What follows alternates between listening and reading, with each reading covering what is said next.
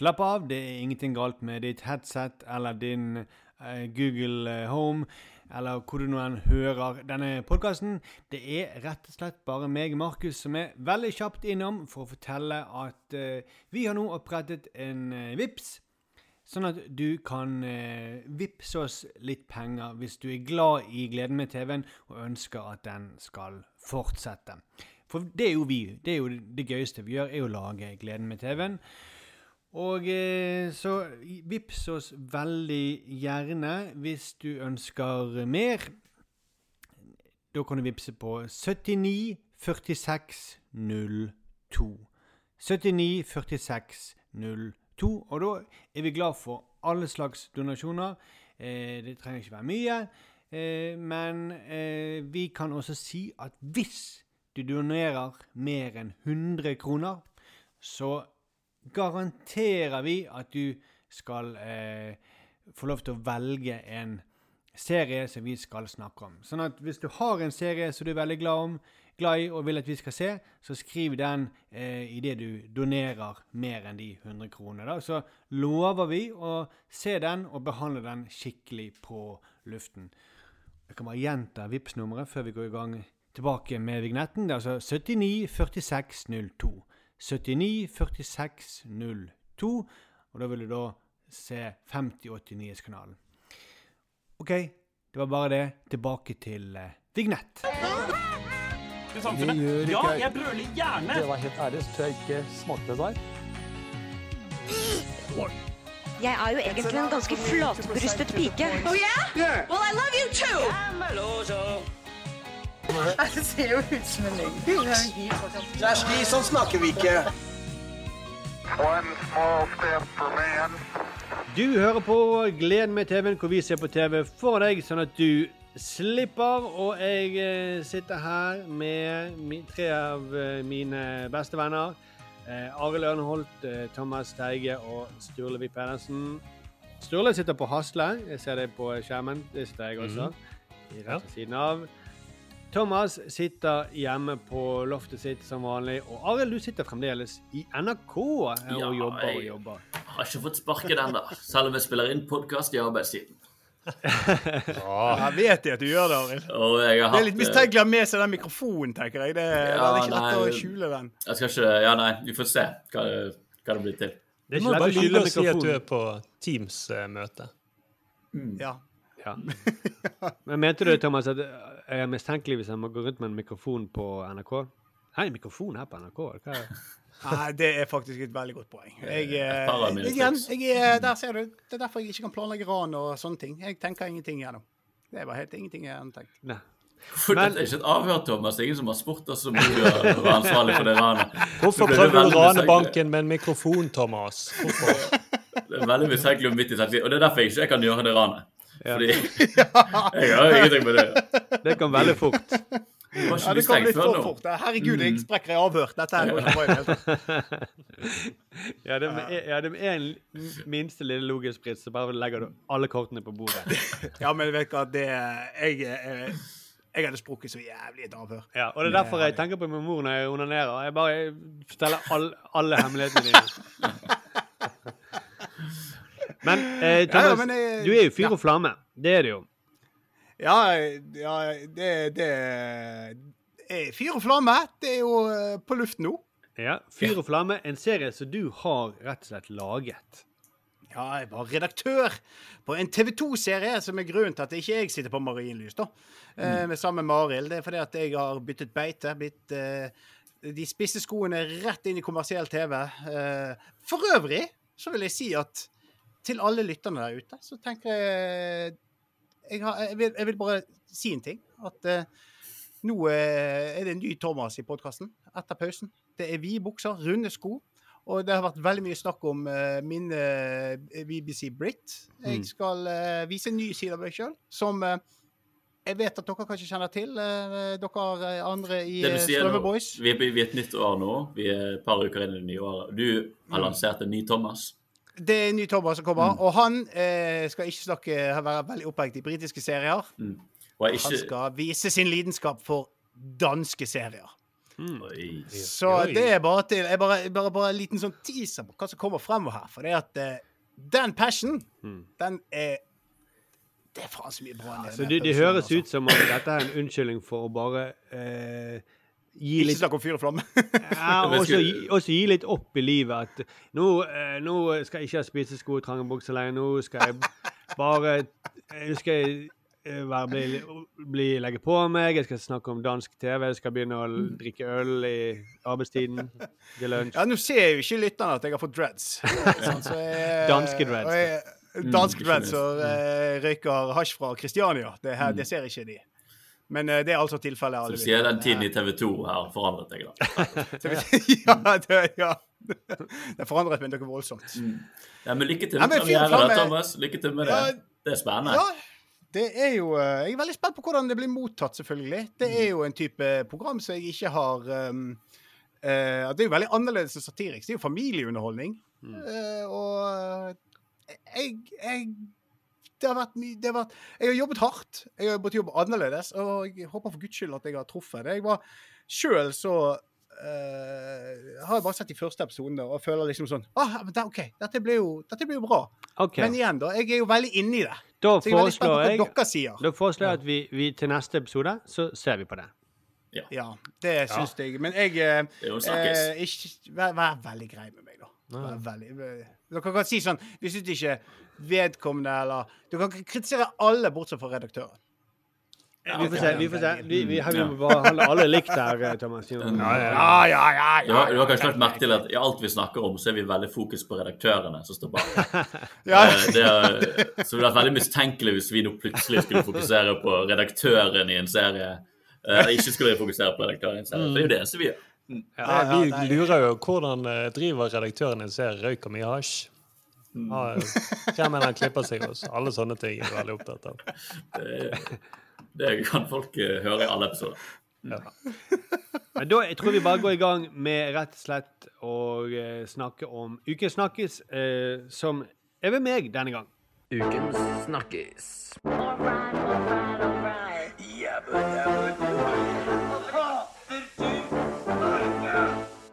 Tacofredag. Uansett hva han sier. Ukens snakkis. Der hørte vi den deilige vignetten til Imre, og eh, det betyr at jeg skal snakke om eh, Jeg har sett, eh, begynt å se på en eh, ny Netflix-serie som heter eh, Breakpoint. Eh, som det er da av, fra skaperne av Drive to Survive, den her eh, Formel 1-serien som gjorde at folk ble så hekte på Formel 1. da. Mm. Og jeg, jeg har ikke sett den, men jeg, jeg, jeg har skjønt at den har ganske likt, følger ganske likt den formelen der. da. Eh, jeg vet ikke om dere har sett Drive to Survive? Jo, jeg har sett eh, første sesong av Drive to Survive. De to første sesongene etter Drive to Survive, og Oi. første episode av Breakpoint. Jeg tror jeg nevnte det for, i mange podkaster siden, men det kom, den Drive to Survive kom ut når eh, Eller sesong to kom ut når jeg nettopp hadde fått barn. Ja. Og da har man bare noe på TV hele tiden for hodet ikke funker. Og bare se på racerbiler som går veldig fort. Det var veldig sånn deilig. ja og det, periode av og. Det er egentlig et dumt spørsmål å spørre. Er noen av dere som har sett så sier alltid Arild ja, jeg har sett eh, fire sesonger av den. Om det kom ut i den perioden spesielt, da var det bare alt. Men uh, Breakpoint, det, er, det er samme greiene. Du, Ja, men denne, Ja, bortsett fra at det han- handler om tennis, ja. jeg, jeg har ikke sånn veldig nært forhold til uh, tennis. Jeg vet ikke hva dere, om dere ser mye tennis, om dere er tennisnerder. Jeg har spilt tennis profesjonelt i ti år. Eh, jeg har ikke det. jeg har ikke det. Men det var akkurat den perioden du fikk sånn barn. var ikke det? Mm, jeg tok opp litt tennis, for det har man jo tid til.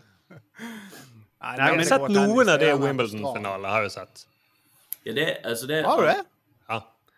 Det av alle sportene så tenker jeg sånn, det er den som bør være mest velkommen til alle å se, for det er grunnleggende Det er jo grunnleggende gøy å spille tennis eller pingpong eller hva det er, men allikevel så føles det så vanskelig å forstå. De har gjort det så komplisert med regler, og det er jo veldig Hvis man bare ser på det, det er jo bare det samme om igjen og om igjen.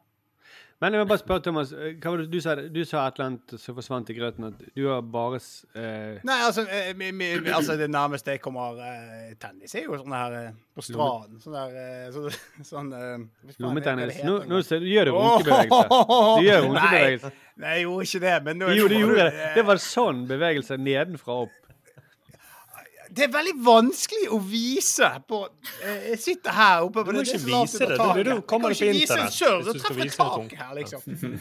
Jeg viste ja, OK, men lommetest, det var en 50 år gammel mann-vits. Det Ja, ja, var det. men det var det jeg trodde at du eh, liksom hintet til. For du sa eneste jeg er Her, her, her sånn som det skjedde. En, nærmeste forhold jeg til tennis, det er sånn.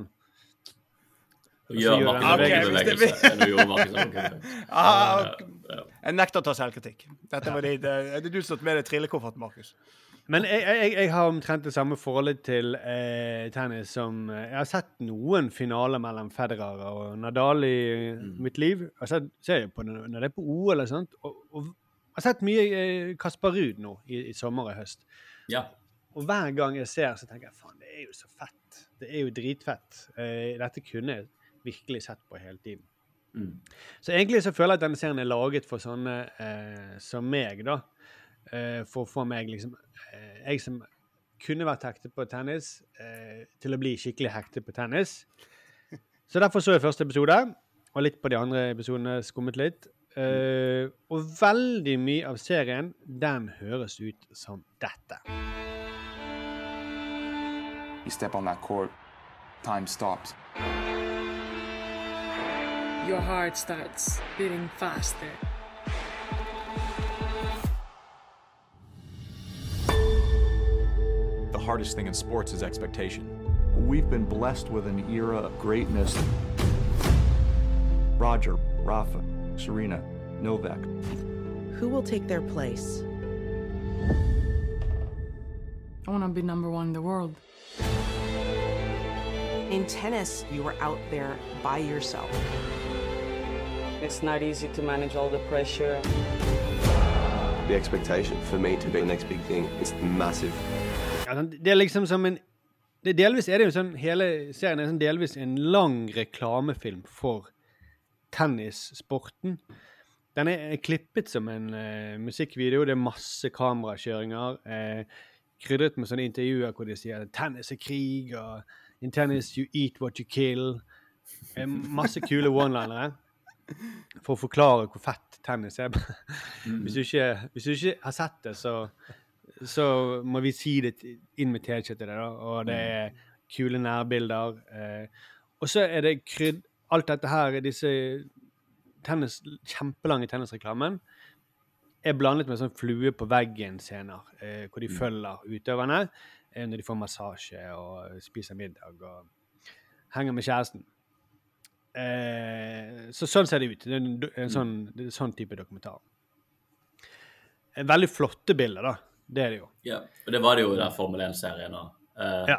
De trengte å bruke mindre tid der på å forklare at racerbiler som kjører 200 km i timen, er kult. Det, det skjønner du. Ja, for det var Der, de, de, sier ikke sånn 'This is really cool'. Og så rum, rum. Det Men jeg la merke til det også i den serien. De er veldig opphengt. Litt sånn overkompenserende sånn Hvor tøft de er, hvor flinke de er. Det, er- det er veldig sant. Ja. Og så Eat what you kill. Vi burde hatt om gleden med, gleden med TV. Eat what you kill. Den er god. Jeg, eh, så det handler det da om eh, Altså, det det handler om, er, det er et generasjonsskifte i tennis. Vi eh, begynner med Australia Open. Altså, det er fire sånne Grand Slams, som er liksom de største turneringene, som går gjennom året. Eh, Australia Open er den første av disse, eh, tidlig på året. Eh, og da er alle de store ute for første gang på lenge. Serena Williams er ikke med. Federer eh, han er skadet. Eh, Nadal han er ikke helt på topp, for han har vært skadet lenge. Og så er det Djokovic. Han får da ikke visum eh, fordi han har nektet å ta vaksine. Stemmer. Det kan jeg huske. Ja. Mm. Og så da føler du liksom den nye generasjonen, de som skal opp og ta eh, Kjempe om den nye tronen. Og der er Christian Ruud Han er jo en av disse personene, da.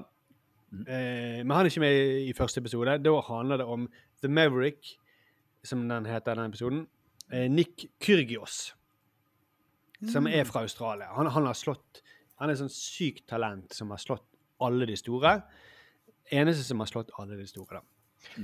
Eh, av disse nye. Og han er veldig talentfull, men han er også tennissportens bad boy. Ja. Så jeg skjønner at de begynner med episoden med han. Eh, og dette er jo liksom Vil han noen gang kunne leve opp til sitt potensial? Mm. Så du følger han eh, som henger med eh, manageren, som er liksom barndomskompisen Nick, eh, og kjæresten Kostin, som Hun er nå bare med der, og de har vært sammen bare et par måneder når de, når de begynner. Hun, det, det, må jeg si, det er veldig sånn mistenkelig bra casting av hun kjæresten, for hun kan ingenting om tennis. Ja. Så derfor er det veldig sånn Ja, tennis det er en sport. Altså, du får fortelle, Vi snakket til hun, så forteller hun også til seeren sånn Ja, her er reglene i tennis. For hun er jo helt clueless på det. Eh, så Det er en sånn scene hvor han Nick det kan, se, det kan se litt komplisert ut første gang Mm. du ser det, liksom. Mm. Men, eh, men det er rett og slett bare Det er krig. Det er eat but you Eat but you kill. Mm. Eh, så begynner det med at han skal spille på hjemmebane i Australia Open. Eh, og han spiller ikke så ofte tennis, begynner det med. Han, de sier at han er sånn part-time tennisplayer. Han, han dukker bare opp i noen få turneringer. Så han er ranket som nummer 115 i verden, da, selv om han har kanskje det største potensialet. Og han har veldig sånn swag. Han er Han slår sånne utrolige trikkskudd hele tiden mellom beina, som er liksom hans signaturskudd. Og i den første kampen du følger da, eh, mot den britiske Brody, så han leker med publikum hele tiden. Han spiller liksom på strengene til publikum, lager show. Og etter kampen så sier han eh, eh, motspilleren når han har tapt, da Han syntes det var veldig vanskelig, eh, for han spilte jo da orkestrert publikum, som han sier. Eh, og får de med seg, liksom. Det blir jo skikkelig sånn her eh, eh, gryte. Og så begynner han å fortelle litt liksom, om hva som er greien med han, og han sier han kan slå hvem som helst, men da må han føle seg bra. Må, eh, og derfor må han gjøre det på sin måte. Han mister, det som du også kommer fram, at han mister veldig lett konsentrasjonen, blir distrahert og forbanna. Eh, og jeg merker jo liksom allerede det, det skjer jo det som skjer i alle sånne sportsdokumentarer, at du begynner automatisk å heie på den det handler om. Ja. Du har jo lyst til at han skal gjøre det bra, så når han kommer til runde to, så begynner jo han å bli forbanna og mister det litt når ting går litt imot han, og så taper han Mm. i runde to. Da er han ute av Australia Open. Mm. Og så er det store spørsmålet kommer han til å gi seg, for han vil ikke bli invitert til disse andre eh, Grand Slam-turneringene, med mindre han er ranket som nummer 125 i verden. eller noe sånt. Så han kommer til å rase på rankingen. Så til neste år er han ute, og han vet ikke det sjøl, liksom. og Han, eh...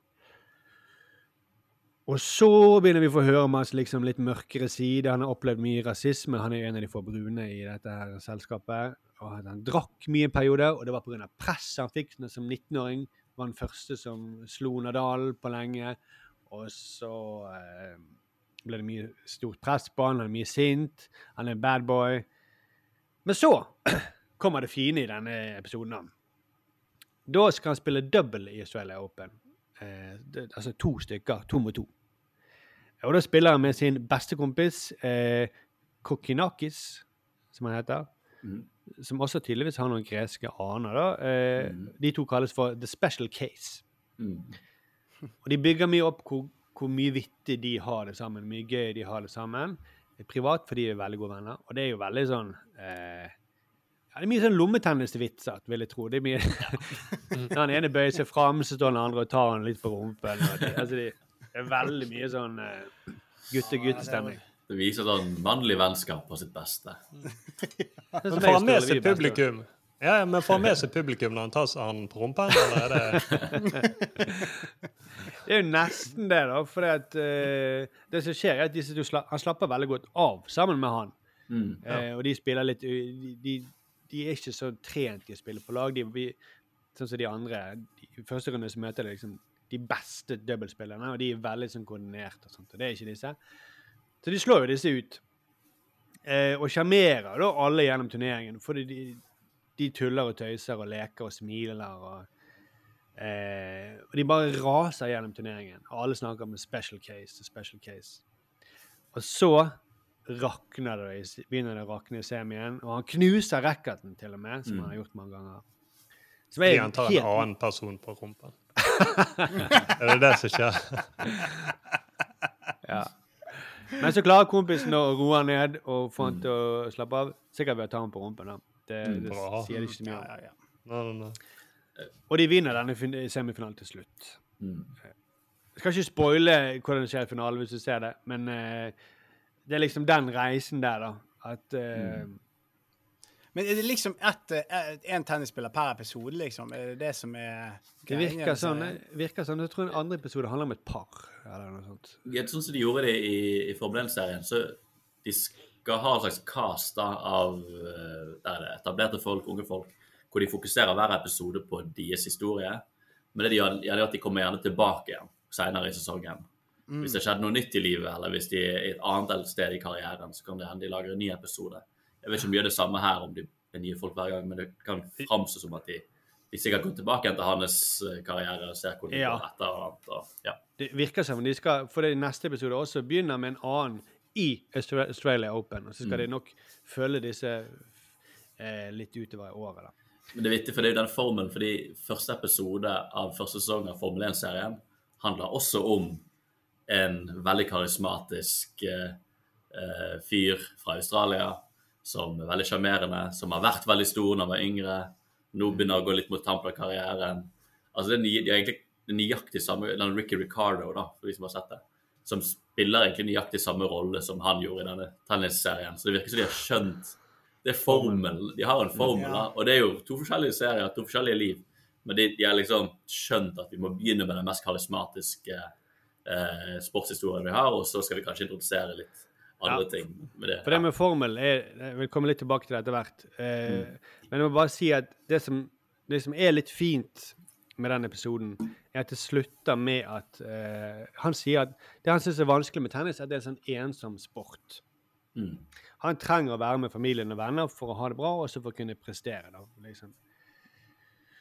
uh, og det er jo derfor Det er jo det bildet med han her kompisen er så, Det er et veldig fint bilde på, på hva han trenger i sitt liv. Mm. Han hadde sikkert vært en bedre i en lagsport, egentlig. For han er et sånn Mm. ekstremt fysisk talent. Ja.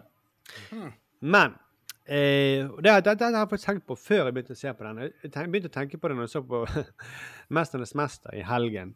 Om, om dette her er sånn som Dette idrettens framtid. Det der å kunne se slags dokumentaraktige eh, versjoner av konkurranser. For det, kan de jo For det første kan de krydre det med sånn De kan fortelle bakhistorien, du kan bli kjent med og identifisere deg med utøverne på en veldig sånn eh, perfekt måte, da. Mm. Eh, de kan eh, Det gjør de jo alltid i 'Mesternes mester'. at De har sånn tilbakeblikk på karrieren. Sånn at du skal heie ekstra mye på den før han ryker ut. Eh, og det samme har de Og så kan de bygge opp spenningen helt perfekt. Mm. Som de ikke Mm. kan i en vanlig idrett. Mm. Og det, det slo meg sånn jeg, Noen ganger eh, Min datter er jo interessert i sport, men når hun sitter og ser på 'Mesternes mester', hun er åtte år, og så sitter Mm. Hun klarte ikke å se den siste eh, slutten, når de skulle, med nattesten, hvem de rykker ut. Hun satt liksom øynene igjen og med Ja. fingrene krysset. For det, det ble, var så spennende. De bygget det så perfekt opp. Kan jeg, kan jeg bare dele en kontroversiell mening? Jeg har om 'Mesternes mester'. Mm. Så jeg vet at dette er litt sånn uh, ikke ville ha eh, flippe en mynt før fotballkamp, meningen min. Ja. Men uh, jeg syns de der tilbakeblikkene de har i episodene Mm. jeg, liksom, jeg, jeg, kunne ønske, jeg, jeg kunne ønske det var De bare lagde en eget program som bare var tilbakeblikkene. Mm. Og så kunne vi bare få lov til å se de vil gjøre oppgavene på rad og rekke. Ja, Du vil rett og slett ha et kjedelig TV-program, det du sier. Nei, jeg vil- jeg vil se... Jeg vil ha det flatt, jeg vil ha konkurranse, jeg vil ikke ha noe De tilbakeblikk. kan jo nevne, de kan jo nevne sånn Han er jo knakk beina, nå er han tilbake. Det gjør man jo i sport. Da sier man, vil- maler man jo et bilde av folk, men du sitter ikke i en halvtime og ser på en fribryter sitt liv og karriere og alle i familien og, og alt det alt det går gjennom før en konkurranse. Fribryter er ikke med. jeg. Ja, vil se Arild sin versjon. Ja. Han knakk beina for. Han knakk beina for. sånn, må har du lyst til å vite mer, gå inn på se den andre episoden. da kan du bare en dokumentar om livet til disse personene. Fordi Pointet mitt er bare at de med SMS-greiene de har blitt, de har tatt, dratt det elementet så langt ut. Ja, det, det er litt de mer- bruker så mye tid på det der.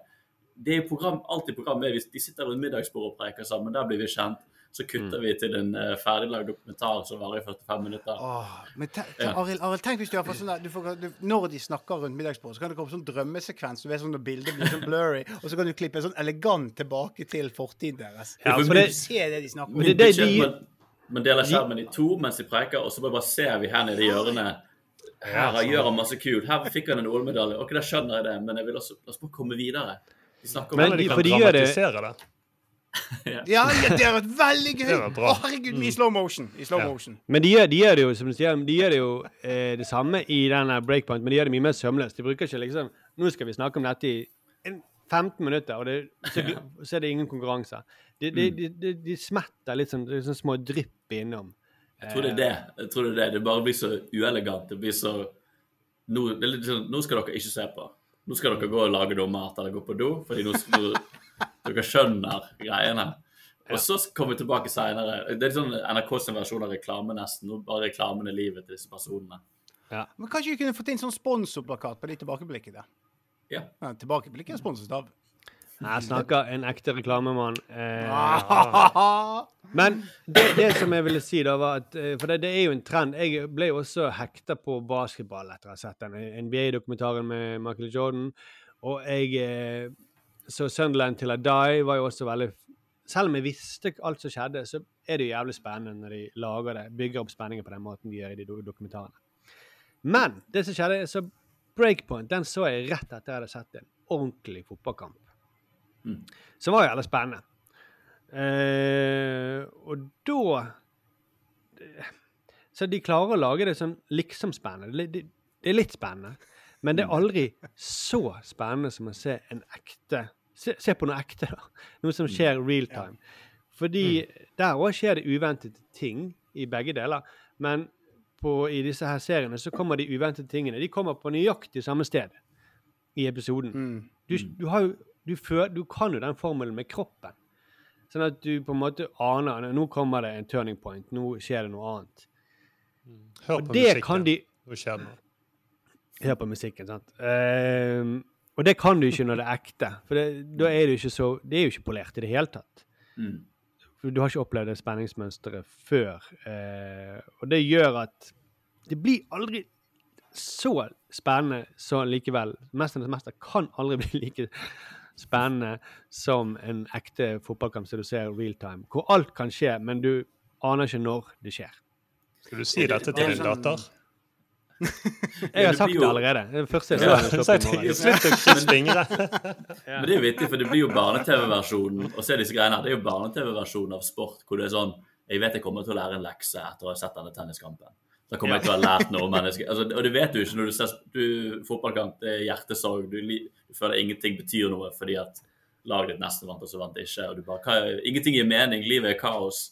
Og det kan man ikke lære et barn. da. Er det cheesy dramaversjon eller, eller reklameversjon? At det er på en måte De, de triksene de bruker, er jo så overdrevent. og sånt. Så de har jo sluttet å bruke det i normal kvalitetsdrama. For det, det du, Folk kjenner de, alle de formlene for godt. Men når du putter det i en dokumentar, så tenker du ikke over at det er cheesy lenger. Jeg kan bare si en ting i forhold til sånn sport og spenning og musikk og hele denne greien der. Jeg var jo så eh, NHL for eh, det er jo noen år siden, da, eh, i sluttspillet. Eh, og det som jeg syntes var jækla gøy der Vi, vi kjenner jo alle fra fotball, så har jo det VAR, sant? videodømming. Og i NHL så har de jo en som spiller orgel live. Så når det var sånne dommeravgjørelser, så la de på stem, eh, nei, spenningsmusikk. Mens dommerne sto og diskuterte, så begynte han på orgel å spille sånn der dramatisk musikk, sånn at det skulle bygge opp en Du, du fikk rett og slett TV-opplevelsen på live, da. Det var, det var helt sykt fett, rett og Jo, slett. men det har de begynt å gjøre på friidrett da. Liksom, før, før de skyter når de skal løpe 100 meter, så har de begynt å spille sånn der dun, dun, dun, skikkelig Ja, sånn. ja, ja. Altså, det er jo liksom at eh, eh, eh, sporten har esset som er at det er uforutsigbart. Men de har òg tatt inn noen av de kule elementene som er med Mm. sånn TV-sendinger, og det syns jeg er utrolig Nå må de begynne med gøy, sånn før dommeravgjørelse, så må vi kutte til barna til han ene spilleren som sitter og gråter fordi med en knukket arm og en kone som vurderer å skille seg fra han hvis han ikke Åh. vinner denne fordi at han tjener ikke bra nok penger. Og så Da lever vi oss skikkelig inn i den dommeravgjørelsen. Oi, oi, oi. Ja, nå, Mm. nå, dette må du bare gå rett til TV 2 med eh, når de skal begynne å sende Eliteserien. Det er jo kjempegøy. Ja. Klipp til. Barna til den som blir utvist. Men Står og dis- oppsummert breakpoint. Eh, jeg vil si det er eh, Det er ganske fett. Eh, det, det, er ingen, det er en god innføring i tennis. Hvis du har lyst til å følge med på tennis framover, som det er gode grunner til nå som vi har Kasper Ruud i Mhm. verdenstoppen, så eh, kan du se dette her veldig underholdende, men det, det blir aldri erstatning for sport for meg, da. Da må de begynne å- noen andre formler. Jeg tror eh, eh, de som lager dette her, er perfekt for sporter som trenger et PR-løft, eller trenger publikum til å vurdere de seriøst, eh, kan få dette teamet på besøk. da. Eh, sånn så De skal jo, så vidt jeg vet, også lage dette i golf. Samme gjengen. Skal jobbe med Ja. golf. Og det er litt det samme, tenker jeg. De trenger også Og sånn løft av de det, det hvordan får kommersielle de det til å bli publikummet. så fett, liksom? Plutselig har han en eh, hatt alkoholproblemer og rist, rister nerveskader før han skal skyte, slå med den kølen, og så er du investert. Når kommer den norske varianten om langrenn? For langrenn er jo helt jævlig. De har ingen badboy i langrenn lenger. Nei, Nei, det er det er helt forferdelig. Altså, det er sånn Ingen, ingen australske badboys i langrenn. Nei, det er kun ja. Nei, Mm. da må de late som. Det hadde vært litt gøy. Hvis de hadde liksom Jo, det er jo faktisk det er jo latet faktisk sant at det hadde vært det eneste Norge kan gjøre nå for å få folk, verden engasjert i langrenn.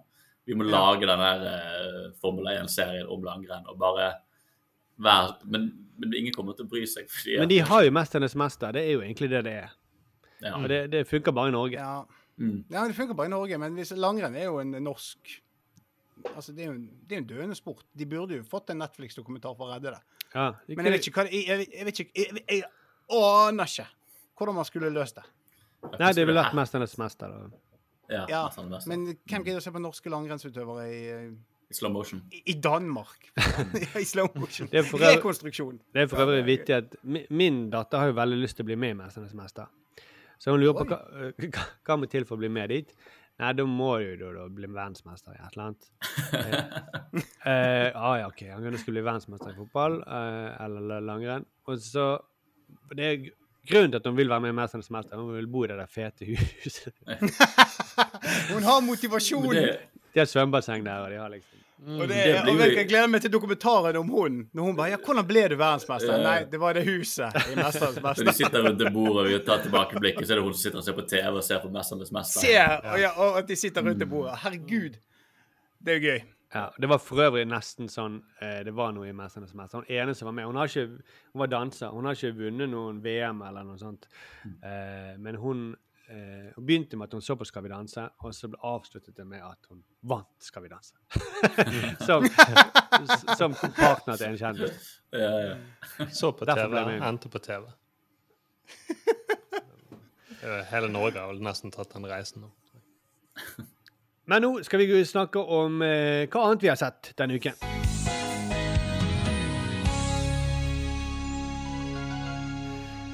Sturl Arla oss igjen, da. Han måtte gjøre noe NRK-greier som han alltid må.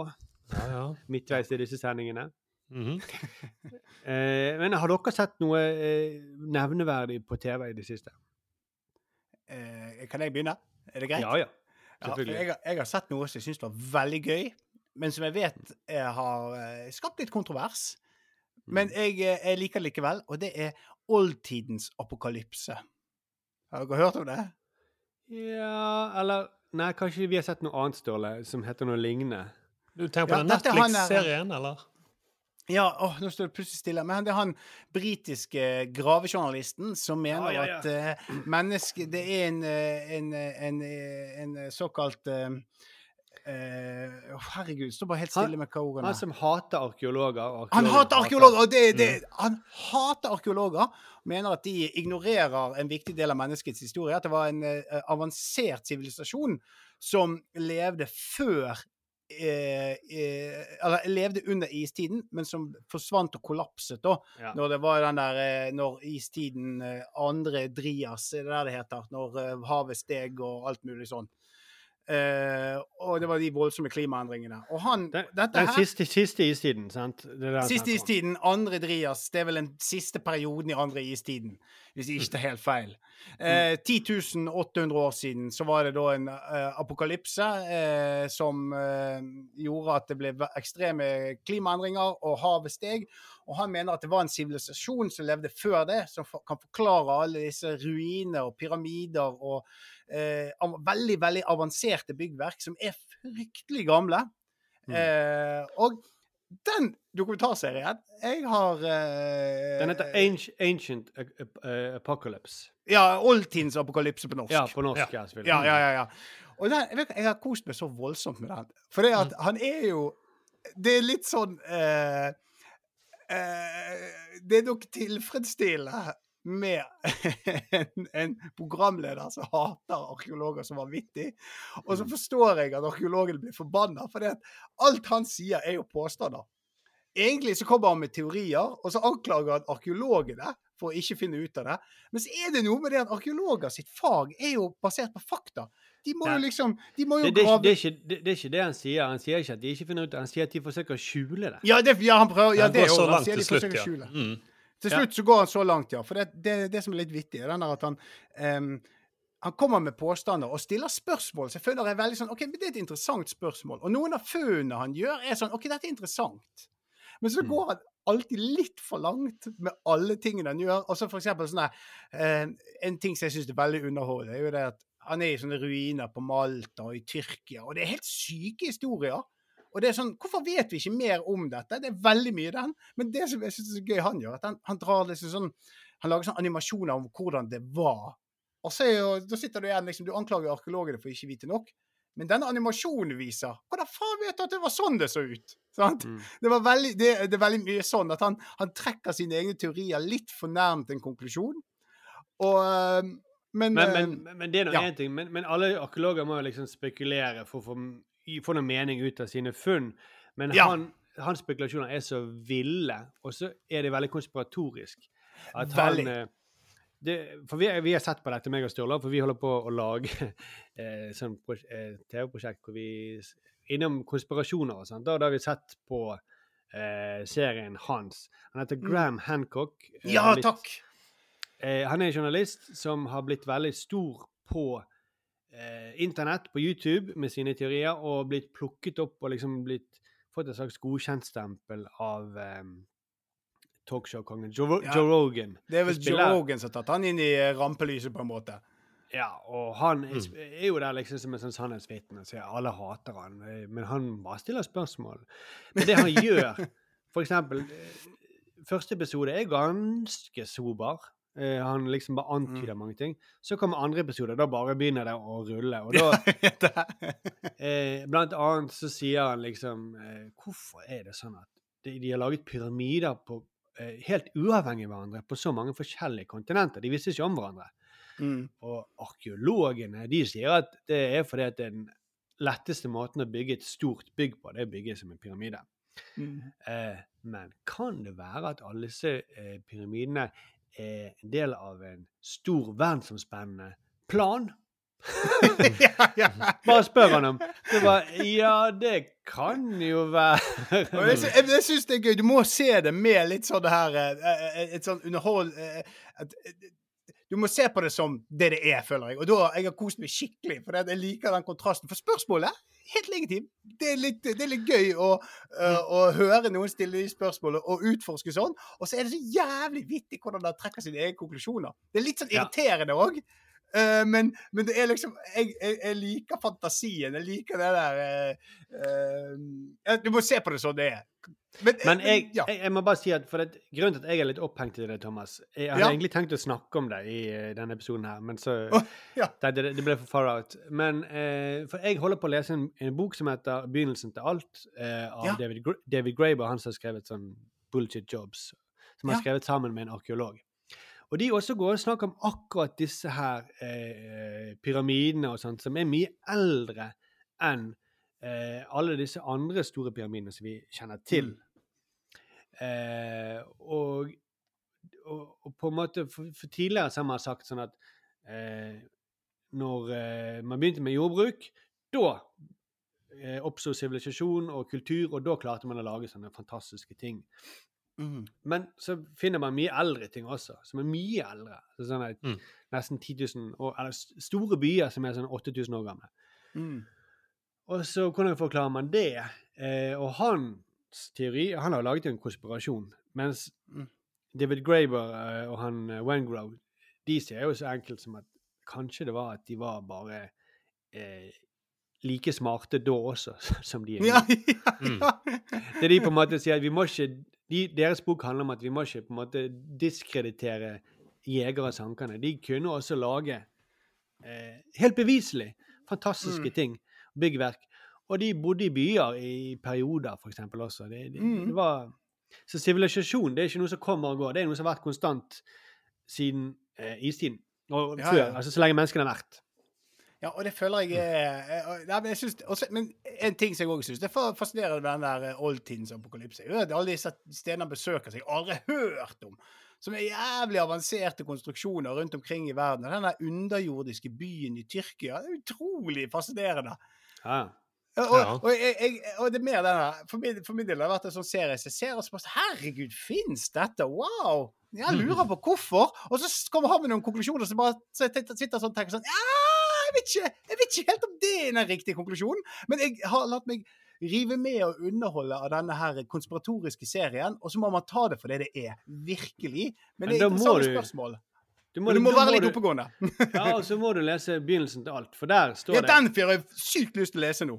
Den er jo en bestselger som er veldig vittig, kult skrevet, og som handler om alle disse her eh, veldig rare tingene som de har funnet. For eksempel den ene, den byen i Mexico, så han han er opphengt i pyramidene. Men det de er opphengt i, er at dette var en sånn her, et slags kongedømme, og så plutselig så slutta det å komme ganske tidlig å være spor etter sånn eh, konge kongesymboler. Eh, ingen som avbilder konge lenger. Og de, tvert imot så syns jeg det har knust noen av disse herskersymbolene. Ja. Og da er det mange hundre år hvor den byen lever, hvor det ikke ser ut til å være noe sentral administrasjon. Ingen eh, sånn sentralt tempel hvor det sitter en hersker. Som det er i alle de andre store sånne eh, uramerikanske byene på den tiden. Og dette er den største byen i eh, på denne tidspunktet. Det bor mange hundre tusen der. Og de ser de har bygget startet sånn sosial boligbygging. At de alle får kjempestore, flotte hus. Det, de har liksom bygget tusenvis og tusenvis av jævlig fine hus. Så de først trodde det var palasser, men så ser de nei, det er vanlige folk som bor her. Så det er en slags anarkistisk by som har levd eh, og klart seg jævlig bra i mange hundre år. Som var den største byen i, eh, i Mexico og i hele, altså hele Latin-Amerika. Er Før, før europeerne kom. Før europeerne kom. Ja. Mm. Nei, det er veldig, veldig fascinerende. Hele Jeg syns det er Og så eh, Ja, nei eh, det, er bare Man vet så lite om det, og det, er, det, det gjøres funn som er veldig bisarre og interessante. Så man blir, det, det skaper en slags fantasi, da. Man begynner å spekulere og tenke, og det, det er veldig interessant. da. Ja, for det det jeg ikke- på jeg si, det jeg reagerte på den, Jeg så det første, jeg har sett eh, til og med episode tre. Og det var litt sånn, Ja. det ble gøyere etter hvert. da. Men i første episode så satt det irritert meg. Men jeg vil gjerne høre hva arkeologene mener om dette. da. Ja, Sånn at jeg sjøl kan gjøre opp min mening. da. Eh, For det er jo med alle forskere. De, de kommer jo med sitt syn, og så kan du sette sammen argumentene og så tenke ja, ok, dette tror jeg på eller ikke. Men han, han Mm. var det bare det at nei, arkeologene vil ikke undersøke dette. Arkeologene er ikke interessert. Og så, OK. jo- ja, Og så episode to, han kommer alle de teoriene, så skjønner du OK. Nå er det en grunn til at arkeologen ikke vil være med i programmet ditt. Han møter en arkeolog i en av de jeg tror det er nest siste episoden. Så sier han sånn her Ja. eh, Da sier han sånn Ja, kan denne, dette her det, det stemmer overens med dette funnstedet, at det kan være mye eldre enn dere antar? Og da sier han arkeologen det kan være, men det siste konkrete beviset vi har av en gjenstand, er 4000 år gammelt. Skjønner du? Mm. Mm. Så, altså, så det er jo det som er markologene. De, kan jo, de må jo ha noe for å verifisere det de sier. De kan ikke bare spekulere. Så jeg skjønner at de blir liksom frustrert av at han sier bare «Ah, bla, bla. Så kan det kanskje være riktig. Det kan utforskes mer, og Ja. det er noen sånn bla, bla, bla, og andre fag og alt mulig sånn. Men det er jævlig Jeg skjønner at de blir sånn der. Altså, de er nødt til å ha bevisene. Ellers ja, blir de slaktet, liksom. Det er nå Mm. én ting, men, men det, er han, det er også så spinnvilt det han sier. fordi sånn, Ah, sånn, det- men det er, litt, det er jo litt gøy òg. Ja, ja. Men det er sånn sånn YouTube-video hvor de, de, de, de, Det er ikke bare at han ikke har bevis, men eh, det var en sånn fyr som, som gikk gjennom da hadde det vært en sånn debatt mellom eh, antropologen i USA og han, og så hadde de prøvd å koke ned til Er det dette her du mener? Kokt ned hele teorien hans til liksom noen få linjer. Mm. Og det hadde han sagt. Ja, dette er en presis gjennomgang, eh, gjengivelse av det jeg sier. Og det var Det fantes en stor sivilisasjon som ikke etterlot seg noen fysiske spor, for dette var en sånn bygget på åndelig visdom, eller noe sånt greier. Mm. Som er rart. altså De må jo på do, de må spise, og de må jo likevel eh, ja. Mm. Dette var en tr verdensomspennende sivilisasjon som kom fra det eh, amerikanske kontinentet, og som gikk tapt eh, under eh, når havnivåene steg etter den siste eh, istiden. Og eh, Så dette er da myten om Atlantis, på en måte. Som, Ja. som eh, igjen, da, ikke bare i Donald, men, men også her. Og den, disse her eh, har fått sin kunnskap fra aliens. Eh, Ja. Som de har viderebrakt gjennom generasjoner. Selv om ikke de bygget noen pyramider på noen tusen år, så har de gitt dem til egypterne og til grekerne. Og sånt. Og så har de, derfor har disse sivilisasjonene gjenoppstått. fordi at de hadde med seg denne kunnskapen i mange tusen år. Som de fikk fra aliens. da. Så Mm. eh, uansett om du ikke har bevis eller ikke, det er helt ko-ko. Det, ja, ja, ja, absolutt. Det er veldig ko-ko. Eller det er liksom Det jeg tenker, er at du har liksom en milliard hendelsesforløp som kan skje. Eh, Ja. Og så har arkeologene de prøver å sette sammen Vi tror dette. Og så kommer han med et helt annet. Men det kunne vært, det kunne vært helt andre ting også. Det kunne vært at dinosaurene fortsatte å leve. De var kjempeintelligente, eh, men de etterlot seg ingen spor. Så det var de som trente opp menneskene. Det er like troverdig som aliens. altså sånn. Ja, ja, Og det er bare to det av milliarder utfall som kunne ha vært, hvis man bare spekulerer Men på i den den måten. serien i den serien så er det, det er mer funnstedene og det, Ja, det, det er underholdet. Det, det vil jeg si. Jeg koste meg. Jeg har brukt, Ja det, det var den jeg så på tre, løp på tredemølle og så på serien. Koste meg. Ja, nei, men eh, Det er gøy å se de funnstedene, men det som han tror jeg Han har jo tronet det der mest koko litt ned i, i Netflix-serien. Men hvis du ser han på Joe Rogan, så er han helt off the rails. Nei, det trenger jeg ikke. Kjenner det trenger jeg ikke. Nei, det trenger du ikke. Men veldig veldig interessant og vittig type. Han er jo blitt et sånn internettfenomen fordi at folk nå plutselig hater arkeologene, de også, da, som ikke vil fortelle sannheten. det er jo Mm. det, Og det er liksom det Det er det store ulempen med den, for det føler jeg er helt feil. Det, det hatet der er helt sånn feilplassert. Eh, Men han er jo en eh, konspirasjons... Han er jo en sånn Ja, ja, ja. Trump, Trump Men- men bare ja. at han, bare at han, han, istedenfor å drive politikk, så driver han med arkeologi. Ja, Ja. sant. det er Rett og slett. eh, Main rett Street. og slett. Eller Mainstream, mener jeg. Ja, Mainstream, mainstream arkeologer. Eller mainstream vitenskapsfolk mener sånn og sånn. Ja. Mm. Ja. Og så er det veldig gøy når han skal få inn eksperter, så er det åpenbart litt sånne der nettskrullinger. Det syns jeg òg er litt underholdende. Og de er sånn kompisene hans. De, de ja, er ja. med, De, er er med i denne sfæren allerede, så man må se det for det det er. Det er det som er poenget. Ja, ja. Altså, de er med på Joe Rogan og sånt. eh, så du ser jo at han, de som han intervjuer, de er jo bestevennene hans. Ja, ja. Og så, er det sånn der, Og de er jo og så- klimafornektere òg. Det er det også sånn at eh, det er det, De er jo faktisk det. Ja, ja, ja, herregud. For eh, klimaendringene er jo eh, ja, de, Han snakker ikke om det, da, men altså, han snakker jo om klimaendringene. Og da er jo det fra eh, eh, verdensrommet. Det er jo siste episoden. Ja, OK. Ja, sant. Sant. Mm. Ja, nei, altså, altså at den gang det skjedde Uh, ja. ja, Uansett, da. Det, det er. Det er Jeg koste meg, da. Det, var, det, det, det har jeg sett. Jeg klarer ikke å se så mye av det hver gang, for det, er jo bare han som prater. Han slipper nesten ingen andre til. Bare, Skulle vært rekonstruksjoner. bare de kompisene litt til. Og så er det veldig mye sånn Bildene er bare han. Det var masse sånne dronebilder av han som står og ser ut i over havet og tenker. Og så, mm, kan, kan det være noe svar der ute? Han som går opp pyramiden og står og tenker der oppe. Og, Men vet vi at det er Ja. droner som filmer, eller er det aliens? Det vet vi ikke, da. Mainstream eh, sånne her uh, filmer Ja, filmskapere. ja, er filmskapere, de vil jo si at de ikke er det, men vi vet ikke. Det kan være en, en flygende pyramide, hvis du Ja, det er Ja, som filmer det. Ingen som vet. Eller at kameraet står i ro, så er det pyramiden som går rundt. Ja, sant. Mm. Herregud, ja. Det vet vi heller ikke. Ja, vi må, eh, vi må videre. Og så for neste uke, da skal vi rett og slett snakke om ditt hjertebarn, eh, Thomas. Det som du har sugd fra ditt eget bryst. Eh, nemlig fyr og flamme. Eh, som du elsker som ditt som dine, dine små barn, rett og slett. Ja. For du elsker jo å jobbe i TV 2, gjør ikke du det? Vet du hva? Det var hyggelig å jobbe i TV 2. Og, eller med TV 2, det må jeg si. Altså, det var, det var TV 2 er TV 2. De er det de er. Det er ikke noe sånn eh, De er ærlige på hva de er for noe, og det er litt behagelig. Hyggelig Ja. betalt, rett og slett. vi, vi høres om en uke, da. Ja, Ha det.